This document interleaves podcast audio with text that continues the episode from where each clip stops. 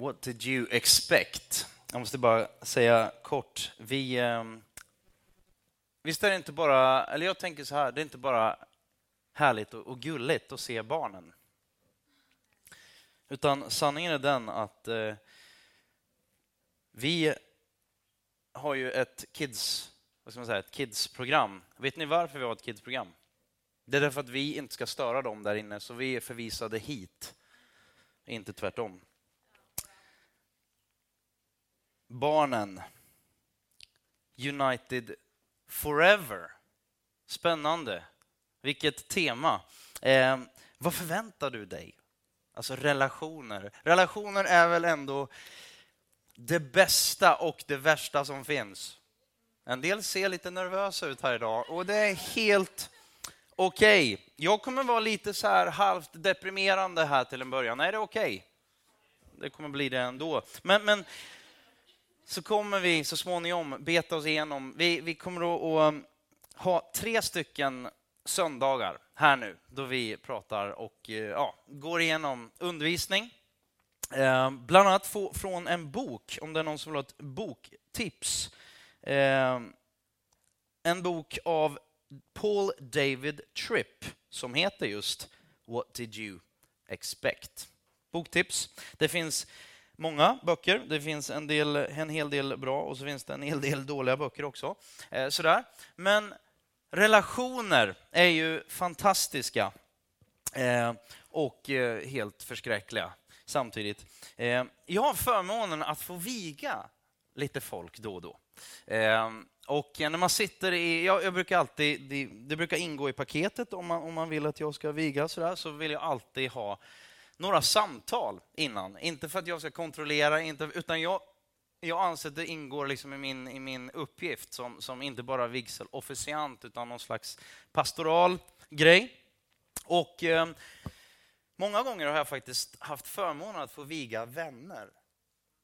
Och de här föräktenskapliga samtalen som, som eh, jag vill ha och som man liksom sådär, man, man jag brukar ställa massa frågor och, och egentligen så handlar det om att ställa frågor så att man själva, eller paret själva, börjar få upp ögonen för saker som man annars kanske inte har tänkt på direkt. Och jag tror, eftersom jag har fått följa många på ganska nära håll, både, både liksom före och efter bröllopet. Bröllopet och äktenskapet är ju två lite olika saker. Eller sådär, äktenskapet är lite längre än bröllopet. Så bara tänk på det när du förbereder bröllopet.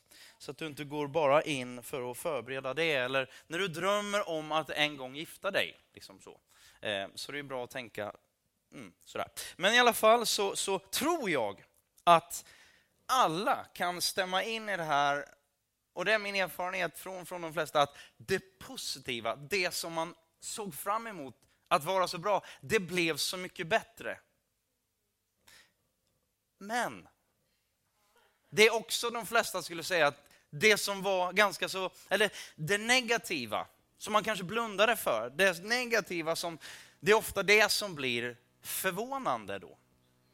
För det blev så mycket mer kanske negativt än vad man hade tänkt. Och vi är naturligtvis inte, jag vill bara säga till en början, vi är inte negativa mot, för det första, inte mot relationer, inte mot äktenskap, inte mot romantik, inte mot alla de här sakerna, eh, utan tvärtom. så. Men vi har tänkt, och jag har tänkt att prata om det här med förväntningar. Vad förväntade du dig? What did you expect?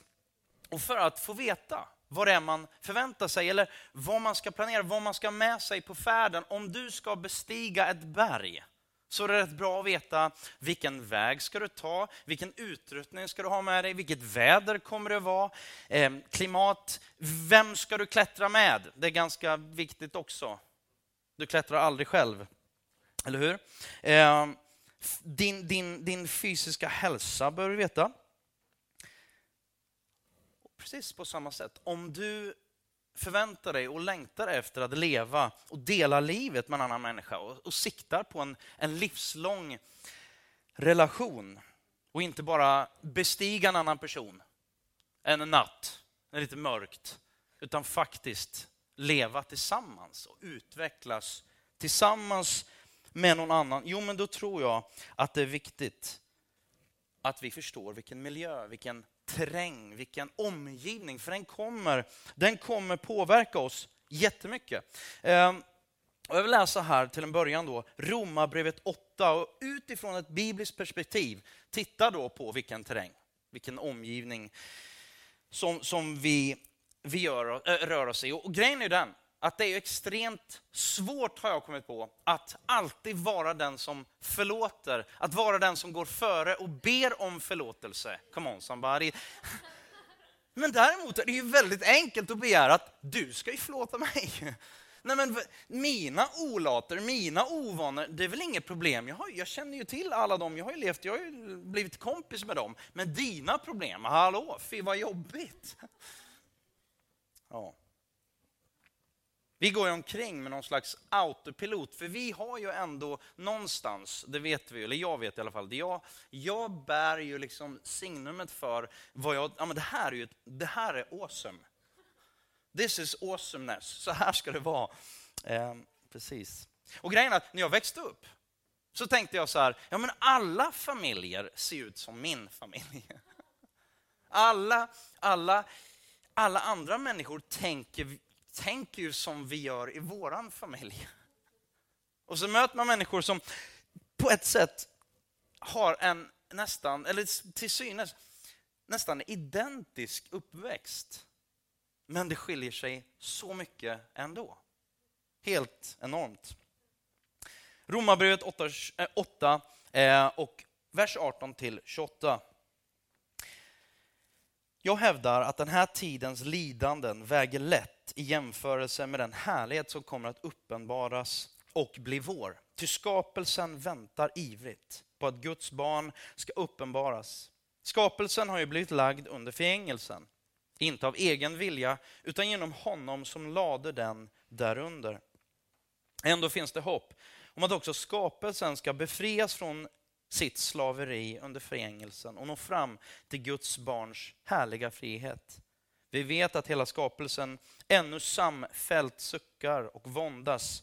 Och inte bara den, utan också vi som har fått anden som förstlingfrukt. Också vi suckar inom oss och väntar på barnaskapet, vår kropps förlossning. Till hoppet är vi frälsta. Men ett hopp som man ser uppfyllt är inte längre något hopp. Vem hoppas på någonting som man redan ser? Men om vi hoppas på det vi inte ser så väntar vi uthålligt. Så hjälper också anden oss i vår svaghet. Ty vi vet inte vad vi bör be om, men anden själv ber för oss med suckar utan ord. Och han som utforskar hjärtan vet vad anden menar, eftersom anden ber för de heliga så som Gud vill. Vi vet att för dem som älskar Gud samverkar allt till det bästa, för dem som är kallade efter hans beslut. Jag vill börja med att be. Himmelske far, tack för ditt ord. Tack för att vi får vända oss till dig och inte bara den senaste poppsykologin och inte bara de senaste trenderna. Och framförallt inte bara försöka med hjälp till självhjälp. Utan när vi har kommit till slutet av oss själva, förhoppningsvis innan det, så får vi vända oss till dig. Alltings Herre, alltings skapare. Tack för att du har gett oss ett hopp. Att det finns någonting där framför, någonting som vi inte bara behöver hoppas på och, och, och i största allmänhet kanske, kanske tro att det en gång kommer att ske, utan vi kan hoppas och veta om att det kommer att ske att allting kommer att samverka till det bästa för var och en som tror och sätter dig och sätter sitt hopp till dig. Tack för ditt ord. Tack för eh, kunskapen, tack för vetskapen, tack för sanningarna i ditt ord. Jag ber att du ska hjälpa oss var och en. Låt oss få växa i kvalitet i vår relation till dig, till oss själva och till andra människor i och med den här eftermiddagen i Jesu namn. Amen. Hur i hela friden ska man undervisa utifrån den här texten i Romarbrevet om just relationer, äktenskap och...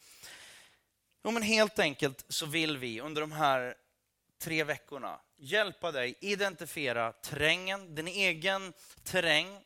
För faktum är att du har en terräng runt omkring dig. Du har med passagerare, höll på att säga, med, med eh, vad säger man, trafikanter som, som, som är runt omkring dig. Men du har också en terräng på insidan. De två Ehm, dimensionerna kommer vi att, prata om. Och idag vill jag måla upp lite av en backdrop, en liten bakgrund till och förståelse utifrån, så kommer du få en massa uppmuntran också så småningom. Ehm, inte minst när Linda kommer tillbaka nästa vecka, för hon är ju sån. Hon, liksom, jag strular till det och så kommer hon och bara liksom fixar till det så. Punkt nummer ett som jag vill lyfta fram då, det är, jag kallar det för epikism. Epic Romarbrevet 8 och 18. Den här tidens lidanden. Alltså jag tror att vi lever lite under förbannelsen epicism. Vad är det för någonting? Jo, men det är inte särskilt ofta som du lägger upp på Instagram de här bilderna när allting är ett rent helvete. När, när du mår crap när liksom barnspyna eller vad det nu är för någonting, din version och din liksom version av crap. Barnmatspuré kanske, liksom, vad det nu är för någonting. Och där du, du skriver ju inte så bara, livet är skit, jag önskar jag kunde döda ungen. Alltså det är inte riktigt, jag, jag föreslår inte att du ska göra det. Men låt mig bara ta en annan, så här, en annan man som hamnade väldigt högt uppe på den här liksom mest eh, fantastiska och vad ska man säga, eh, eh, bra och duktiga, härliga liksom förebilder. Det var bland annat Moder Teresa och så var det Billy Graham. Någon kanske har talat om honom, en hyfsat känd evangelist i USA som, som gjorde väldigt mycket bra. Sådär. Som får de flesta av oss att känna oss fantastiska. Inte så. Men hans fru, jag läste lite grann om honom så här, och, och de flesta så, han in, in, in, ja, inklusive honom själv, då, han sa att alltså, det hade aldrig gått utan min Ruth, hans fru. Och då fick hon, hon fick en fråga när de hade viftat i 35-40 år, jag kommer inte ihåg vilket, men av en journalist fick hon frågan då, har du verkligen, har du aldrig funderat på skilsmässa? Och då säger hon, nej, det har jag inte. Men mord har jag funderat på flera gånger. Lite perspektiv. Så här, skilsmässa var ingen option, men mord, det var en option. Och jag tänker liksom att i våran epicism med hjälp av sociala media så formar vi någon slags tillrättalagd eh, bild med lite härliga early bird eller lite Kelvin eller varför inte lite toasterfilter där, Instagram-bilden, för att göra den lite mer fantastisk, lite mer episk. Och liksom någon slags glorifierad episk verk verklighetsbild. Och antingen får jag ju bara spela med och liksom tweaka verkligheten för att den ska, ska passa in. Eller så får jag bara inse att det är något fel på mig. Och det är väl det som är grejen någonstans. Både befriande, en sanning, en befriande sanning, samtidigt är jobbigt. Det är fel på dig. Och det är fel på mig. Ja, det är det. Där börjar vi. Det är väldigt uppmuntrande här till att börja med. Men vi gör allting för att gömma, glömma. Vi eh, eh håller på och, och, och, och bekämpar allting som är tufft, inte minst i det vadderade landet Sverige. Liksom. Bara allting som, som, som är lite jobbigt, allt som är lite tufft, det ska vi bara hålla borta från både oss själva och våra barn och så vidare. Eh, om man går in och blir lite mer allvarlig i det här, så finns det fortfarande länder där man gömmer undan barn som föds med ett ojämnt antal kromosomer som har Downs syndrom.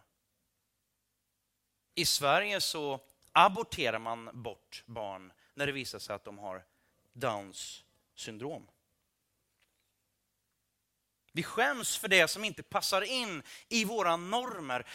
Och om vi inte skäms, för det är vi ju lite för fina för, eller hur? Och istället så är det ju lite jobbigt. För det kan ju vara jobbigt om man får ett barn med Downs syndrom. Nu har vi inte det, jag har stor respekt, jag har vänner som har det. Men, men någonstans bara frågar man sig själv, var går gränsen? För vad som är okej okay i vårt samhälle. Jag bara säger, we are screwed. Om det är någonting som är epic så är det våran screwedness. Och det är liksom, vi sitter alla i samma båt. Och det är väldigt skönt att på något sätt komma från hållet att we are screwed. Men enligt Paulus ord här till romarna och, och församlingen i, i Rom så säger han at the end of the day så ligger inte allt i dina händer och allt ligger inte i mina händer utan allt ligger i Guds händer. Och vilken situation du än har satt dig i, hamnat i, vad du nu vill använda för ord, så är det ändå så att Gud kan komma igenom och Gud kan samverka allt till det bästa. Han har alltid sista ordet. Punkt nummer två. Orealistiska förväntningar leder alltid till onödiga besvikelser. Orealistiska förväntningar. Eh, är det någon som har sett Antikrundan? Alltså, det är ju så spännande att se folk. De flesta, det är ändå ett positivt familjeprogram på något sätt. Eh, sådär. Så de lyfter ändå fram, oftast, personer som, som eh, trodde att det var ingenting värt. Och så var det värt 70 miljarders miljarder. Liksom. Det, är ändå så här, det är ändå det man hoppas på, eller hur? Eller du kanske sitter och hoppas på bara yeah, nu tror hon att det är någonting så bara worth nothing, bara woohoo! Ja, vi är lite olika där. Men i alla fall så är det ju sällan någon, ja, det var precis, det var precis på öret. Liksom, det hade förväntat mig. Det är alltid någon som förväntar sig för mycket och så blev det ingenting. Eller någon som förväntar sig ingenting och så blev det jättemycket. I alla fall tycker jag att det är så. Men, men och texten i Romarbrevet, Paulus pratar ju om, om det här. Alltså vi lever i en bräcklig värld, en, en fallen värld. Vi är bräckliga, våra medmänniskor är bräckliga. Jag ska komma åt till det. Men det här bäddar ju för problem. You are problem. Därför är ju relationer så fantastiska och därför är de så jobbiga. Ehm, man träffar en hel del folk sådär, när man jobbar som pastor. Jag har gjort det under ett antal år. Och allt ifrån man får träffa folk som, som ehm, ska gifta sig, är det väldigt sådär pink and fluffy, väldigt spännande. Och sådär. så träffar man folk där kring en begravning eller det är liksom andra högtid eller vad det nu är för någonting. Och, och det är ett enormt privilegium. Um, och om man lyfter upp någonting som jag tror de flesta pastorer skulle säga, som har träffat mycket folk i sammanhang där det har med relationer att göra, så tror jag att de flesta skulle säga att ett stort problem är just detta med förväntningar. Eh, man har träffat gifta par, gifta par som det går bra för, gifta par som har kört fast, eh, gifta sambos, skilda, skilda många gånger, återförenade, unga, gamla, troende, icke-troende och halvtroende och allt däremellan. Tror jag sitter, eller min erfarenhet är att man sitter väldigt mycket i samma båt. Ehm, och vi tänker så här att vi, vi ja, för det första så här i United skulle vi gärna, och kanske få säga från och med hösten, att erbjuda alla alla par som ska, som ska gifta sig att gå igenom någon slags, om man vill då, eh, gå igenom en, en, någon slags eh, föräktenskapligt samtal.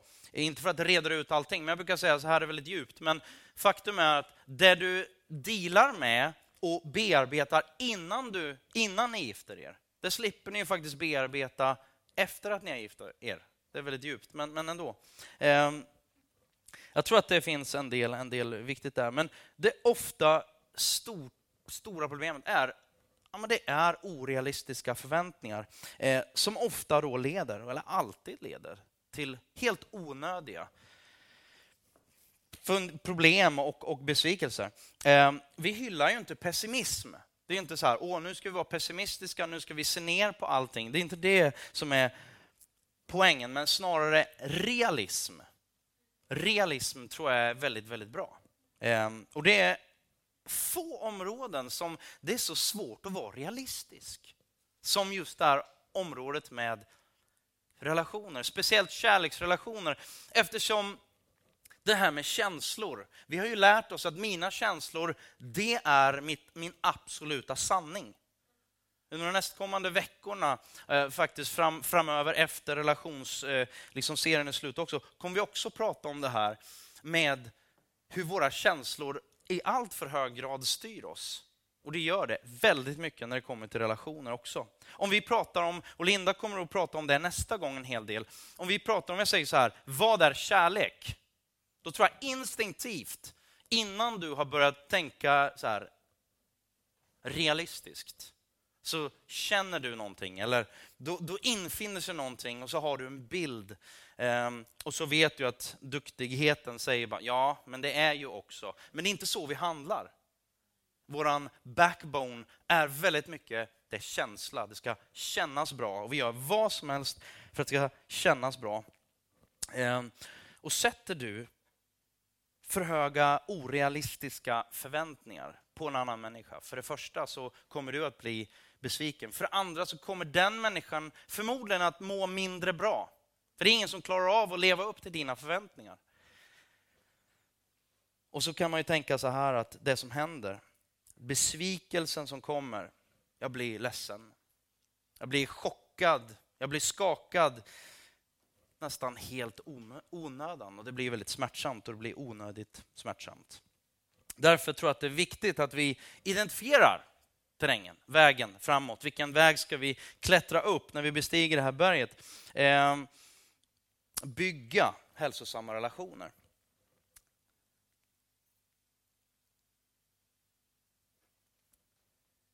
Det finns ju inte bara en massa faror runt omkring oss, utan även på insidan. The enemy within. För det är ju inte bara åh, det är en massa awesomeness som går omkring hela tiden, utan det är ju lite en, det är någon slags trojansk häst eller ett, ett, ett virus eller en worm eller allt, allt. Alltså var du än går. Du kan inte, you can run but you can't hide för den där trojanska hästen finns ju kvar. Och så möts två stycken trojanska hästar och så blir det ibland fireworks. Det är inte bara liksom you are firework in a positiv liksom, sens, utan ibland så är det, ja. Hur ska man göra då för att inte ha en massa, massa orealistiska förväntningar? Jag tror att ett gott råd från mig, det är att du bör läsa Bibeln. Ja, men det är väl lite väl liksom, skriva mig på näsan. Det är ju liksom vad jag förväntar mig av en präst eller pastor. Men det är väldigt, väldigt sant. Ehm, för grejen är den att man önskar att vissa delar av Bibeln var bortredigerade. Jag gör i alla fall det, för att det är svårt att förklara allting. Eh, och, och en del är bara riktigt jobbigt. För det är så jobbigt in your face. Och det är så jobbigt ärligt. Jag vet inte, om man läser Bibeln då från, från början till, ja, man läser om Mose som mördade en landsman. Någon annan lurar brorsan från hans arv.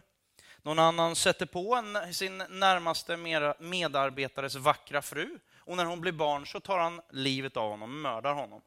Det är liksom så här, mm, kul, eller trevliga, intressanta människor. Till och med Jesus hade ju relationsproblem.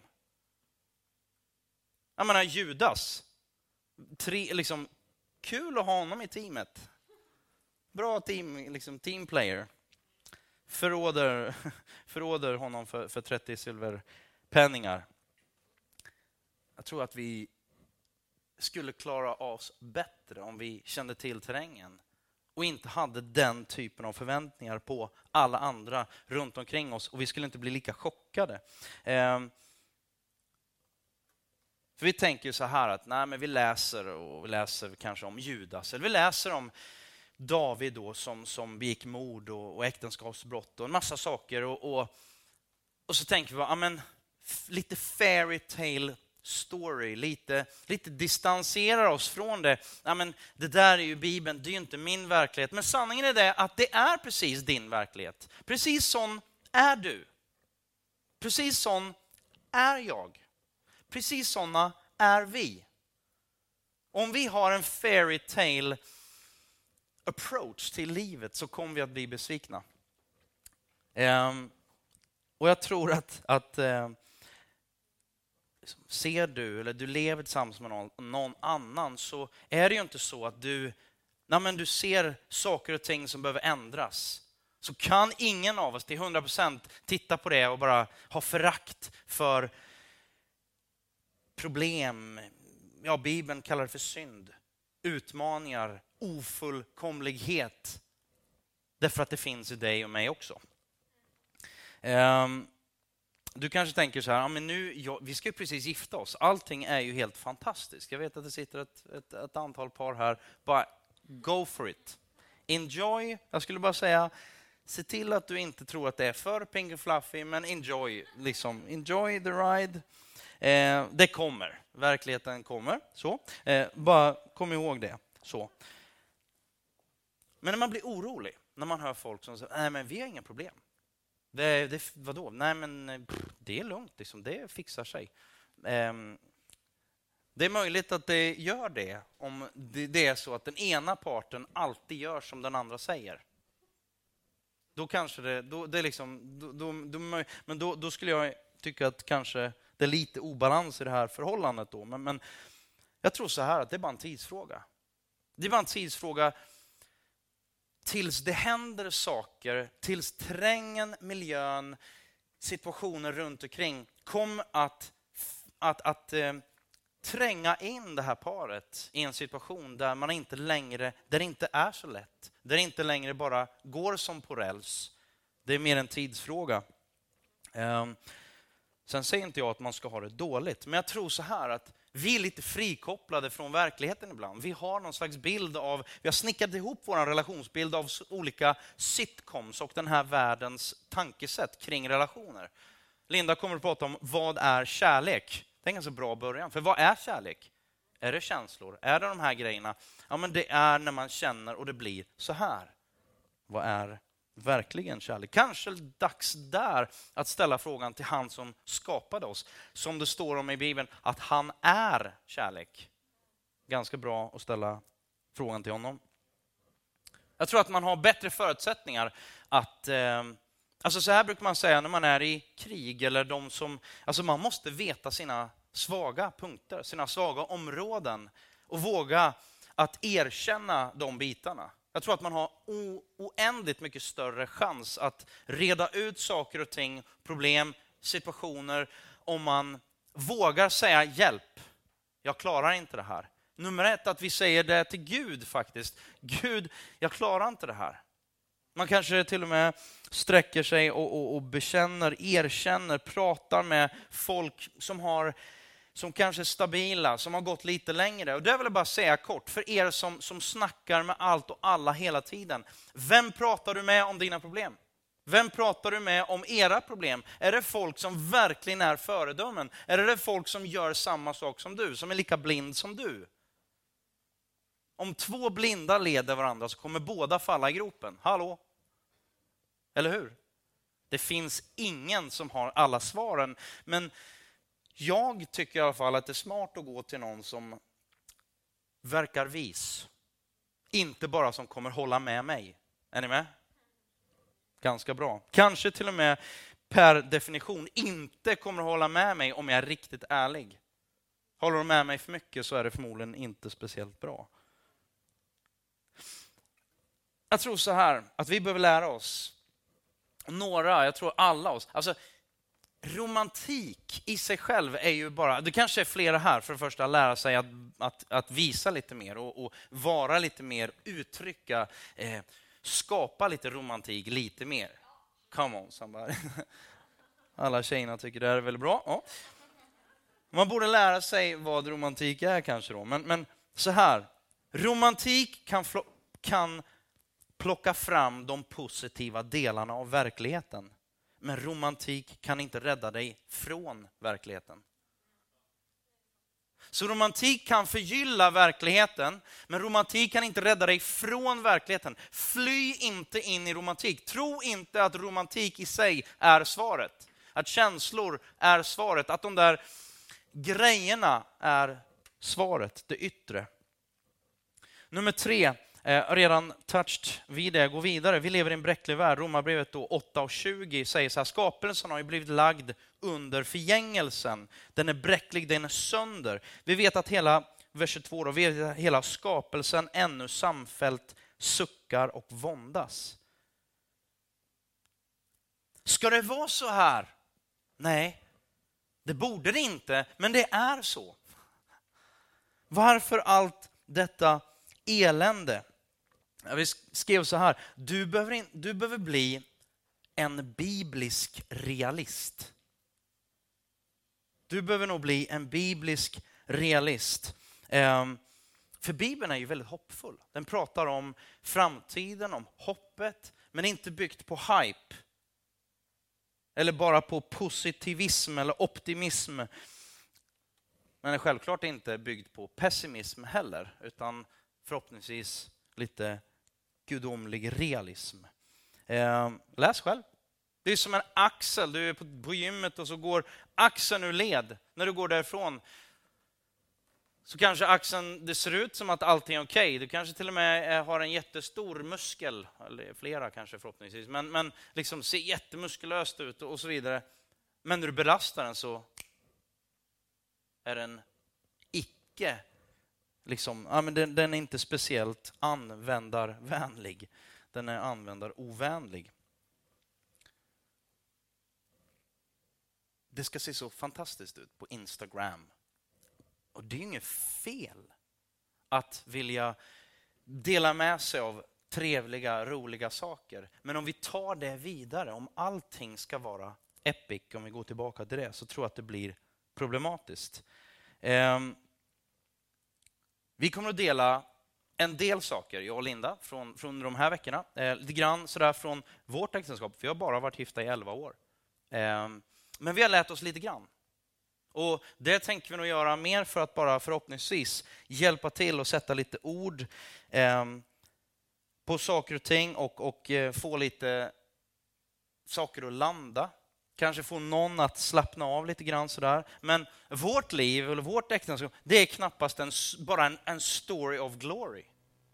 Det finns många fantastiska saker. Det finns tre fantastiska saker som stod här, eller en satt där och två stod här. Och, eh, som har kommit ut ur vårt äktenskap, ja. Men vi tar inte äran för speciellt mycket i vårt äktenskap. Eh, vi har haft det tufft, vi har haft det bra, vi har haft det... Eh, jag tror faktiskt att Linda har varit den som har haft mest hon har haft en mest rosa bild, en, en mer rosa bild av mig. Jag tror att det är så här att, att jag tror inte det handlar om, om realistiska eller orealistiska, utan det är nog att jag lyckades att putsa bilden så mycket bättre än vad hon kunde. Och den var så mycket värre än vad hennes. Jag tror att det måste vara något sånt. Men vi är någonstans, som Paulus säger, som det kommer, hoppet, det kommer någonstans där framme. Vi är inte där ännu, men vi kommer att komma dit. Precis där är vi. Vi är inte där vi, man kanske skulle kunna säga så här, vi, eller inte bara kanske, definitivt, vi är inte där vi borde vara. Vi tänker så här, vi har varit gifta i 11 år, vi har varit i, liksom predikat, vi har undervisat, vi har läst böcker, vi har fixat, donat, pratat, kommunicerat väldigt mycket. Två olika saker, prata och kommunicera. Aha. Eh, vi har gjort båda. Eh, och så mitt i allt det där så bara, vi borde ha kommit längre. Jag tänker så själv, my God. Min Gud, min Gud.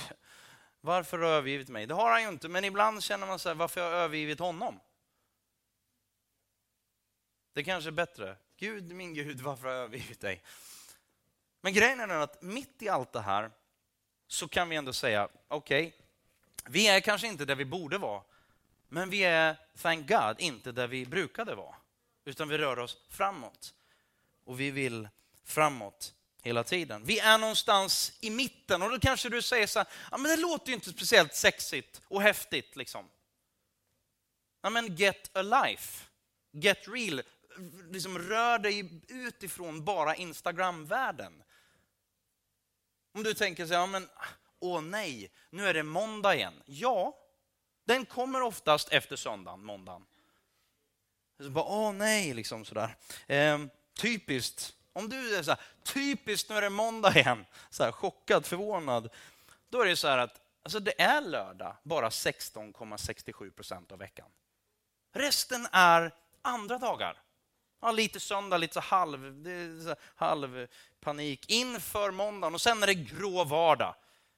Lär dig att älska vardagen istället. Lär dig att sätta lite guldkant på vardagen. Den borde ju inte, alltså en måndag morgon borde ju inte chocka så många. Det är ju så märkligt. Alltså den kommer ju varenda vecka. Men vi går omkring lite så här, lördag i veckan, lördag i veckan, lördag i veckan lång. Livet blir en sång, lördag i veckan lång. Alltså, vad är, det vi, vad är det vi längtar efter? Vi längtar efter någon episk lördag. Men livet här, just nu. Det händer hela tiden saker som vi inte räknar med. Det måste vi räkna med. Är ni med? Eh, vi, vi, var på, på restaurang var ett antal år sedan i London, Deep Pan Pizza. Jag kan inte rekommendera den. Vi gick dit och vi gick till, det är en buffé, typ som, som Pizza Hut och grejer. Så jag gick och tog mat och pizza slices och sallad. En av tjejerna i vårt sällskap, hon tog en stor sallad. Hon skulle vara liksom så här hälsosam. Hon tog en stor sallad, Eh, salladsfat. Liksom och så lyfte hon, efter bara en liten stund, så lyfte hon, började äta så här, åt fem minuter. Och så lyfte hon på ett av de stora salladsbladen. Vad låg där om inte en sju meter lång kackerlacka? Något över, men, men det, var, det, var liksom, det var riktigt äckligt. Hon hade ju inte bett om det. Och så bara lite kuriosa då, så bad vi personalen komma fram, för hon blev ju jätteupprörd. Och vi andra som satt där och bara, men vad, ska, liksom, vad händer nu? Eh, så kommer hon fram och hon bara, åh, nej, men vad, vad synd. Och så tog hon bort den och sa, vi, vi, vi bjuder på din dricka. Hon bara, nej, just nu så går ni ner och putsar våra skor. Eh, just nu så, nej det var helt, men i alla fall. För det kommer hända saker hela tiden som vi inte räknar med. Och det måste vi räkna med. För det är faktiskt så. Nummer fyra då. Same, same, but damaged. Vi är ju samma. Samma, samma bräckliga personer. Romarbrevet 8, 23 och vers 26. Delar av dem. Också vi människor suckar inom oss och väntar. Så hjälper också anden oss i vår svaghet. Same, same, but damaged. Men varför säger du så till mig? Ja, jag vet egentligen inte. Jag kanske bara ville såra dig egentligen. Nej men, älskar inte du mig? Ja, ibland. Ibland vet jag inte riktigt. Nej men vad, vad hemskt. Bara, ja, det, det är liksom... Varför gör du det här? För att jag är sjuk. Är du sjuk? Gifter jag med någon som är sjuk? Bara, ja, inte enligt FASS kanske, sjuk. Men enligt Bibeln, sjuk. We're all sick. Sick people. Ibland visar jag kärlek bara för att jag vill visa kärlek. Ibland, förmodligen till och med ofta, visar vi kärlek och jag visar kärlek för att jag vill ha kärlek. Jag visar ombry, som vi säger i vår familj. För att jag bara vill det. Och ibland så gör jag det av helt andra motiv. Ibland så är det, det är helt okej. Okay. Alltså vi har, we're, per, we're not perfect. Och när man gifter sig, när man blir tillsammans och man blir ett som Bibeln kallar äktenskapet, liksom sådär, så är det lite som att köpa en cykel på Blocket. Lite grann i alla fall. Man kan ju försöka ta reda på så mycket. Man åker ju dit och innan man betalar så tittar man ju på den. Men jag vet inte vad ni har märkt, men, men den ser alltid så bra ut. ser alltid sjukt bra ut. Och det är speciellt, det är ju alltid mörkt.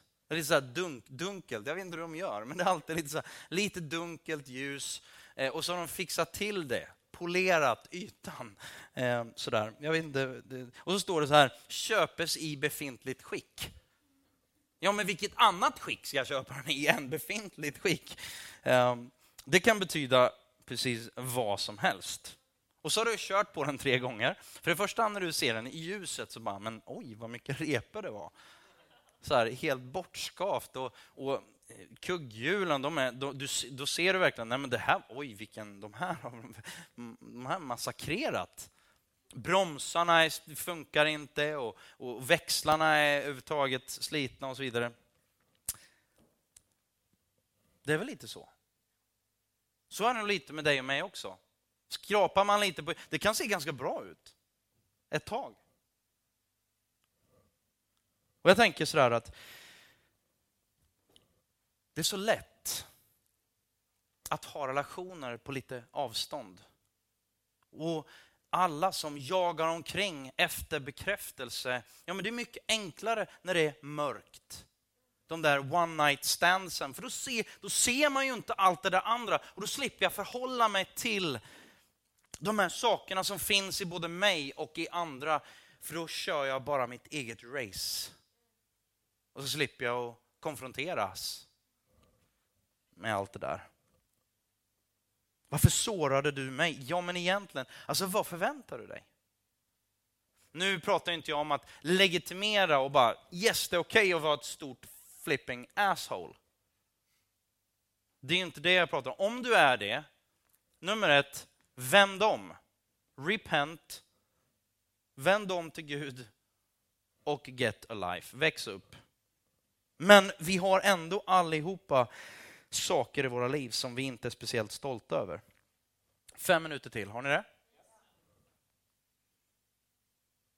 Det är klart att jag inte sitter efter jobbet, kanske en jobbig dag på jobbet eller och det är aldrig jag som är jobbig, utan det är alla människor runt omkring mig som har varit jobbiga. Så att jag är på väg hem och sitter och bara, för det första är jag irriterad för all, all trafik och jag sitter och liksom småpruttar för mig själv där. Och, och, men jag sitter ju inte och, och liksom aktivt tänker bara, när jag kommer hem, då ska jag öppna dörren så här och ska slå igen den ganska hårt. Och så ska jag, ska jag bara unleash på Linda. bara, liksom, hon ska få betala priset för min dåliga dag. Liksom. Det är klart jag inte tänker så, men likväl är det ju det som händer. För jag kommer in, bara, hur är det? Vadå vad är det? Vad är det själv? Och sen vet ni vad som händer. Är du så hemsk? Ja, det är jag. Och så hemsk är förmodligen du också. Om du inte är det så grattis. För vi har vänt oss ifrån Gud. Vi kör vårt eget race. Och grejen är den att det här jobbiga ordet som vi har bestämt oss för att inte bara nämna utan försöka förklara, synd. Det är inte främst det vi gör. Utan vi har sagt det tidigare, men faktum är att vi är syndare, alltså skilda från Gud. Man missar målet. Målet är Gud. Och mitt fokus, min, min riktning, om, den är, om det är Gud hela tiden, då är det inte en syndare. Men i och med att det inte är det så är vi alla syndare. Och grejen är den att vi, är, vi syndar inte, eller det, det, det som gör att vi är syndare inte är för att vi syndar och gör dumma saker, utan tvärtom. Vi gör dumma saker, vi syndar på grund av att vi är syndare. We're broken people. Vänt oss ifrån Gud. Och grejen är att när vi börjar söka tillfredsställelse i, i det skapade istället för hos skaparen, där uppstår det stora problem.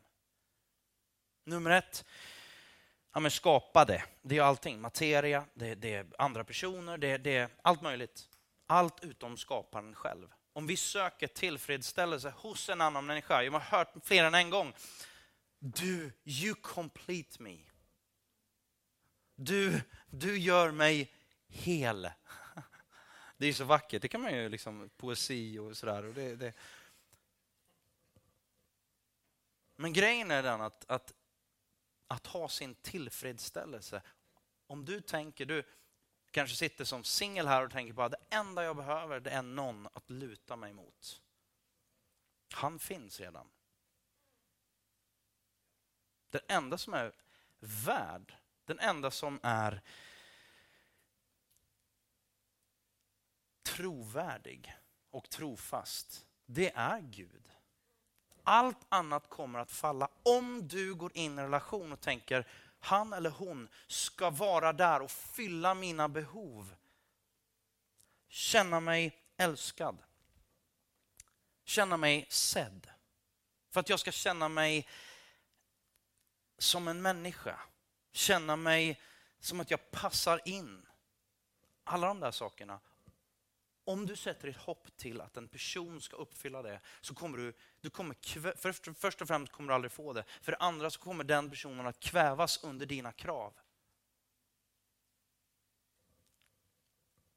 Jag har stor respekt för det. Ensamheten och alla de här sakerna. Men det är så otroligt viktigt att vi inte, för det är ett, om vi sätter vårt hopp till någon annan än Gud så är det, det är ett, det är ett recept för fullständig disaster. Det är det. Och Det för oss till sista punkten. Gud är vårt enda hopp. Vers 28, vi vet att för dem som älskar Gud samverkar allt till det bästa. Faktum är att din och min kärlek räcker helt enkelt inte. Utan vi behöver Guds kärlek. Och sen är det så här att om Gud är skaparen så då kan vi vara ganska trygga med att han har skapat oss och han har skapat personen som jag ska leva med. Och det är jag som väljer, det är inte han som väljer åt mig. Jag kan inte, jag kan inte skylla på Gud. Jag måste välja. Problemet är att om Gud inte skapar den så är det lätt för mig att ta hans plats.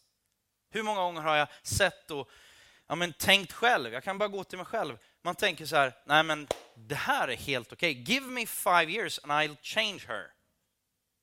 Jag kommer att, det här är mitt projekt, jag ska ändra henne, eller jag ska ändra honom. Det är inte förutsättningslös kärlek.